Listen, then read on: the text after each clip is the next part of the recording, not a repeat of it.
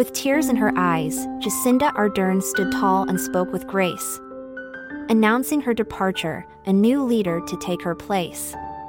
A job she held with pride, leading her nation with care. But now her tank is empty, and it's time to repair. She rose to power in 2017, a young and vibrant leader. And within a year, she gave birth, a world first achiever.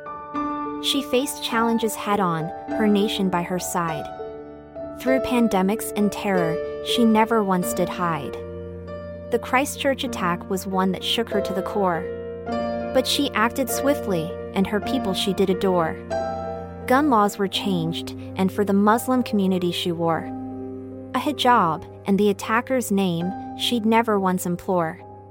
Her go hard, go early approach, a model for the world. Through strict border rules, her nation's fate unfurled. But now her time is ending, and she'll hand the reins to another. A new leader to take her place, and lead like no other. Though her tank is empty, her legacy will remain. A leader who fought for her people, through joy and through pain.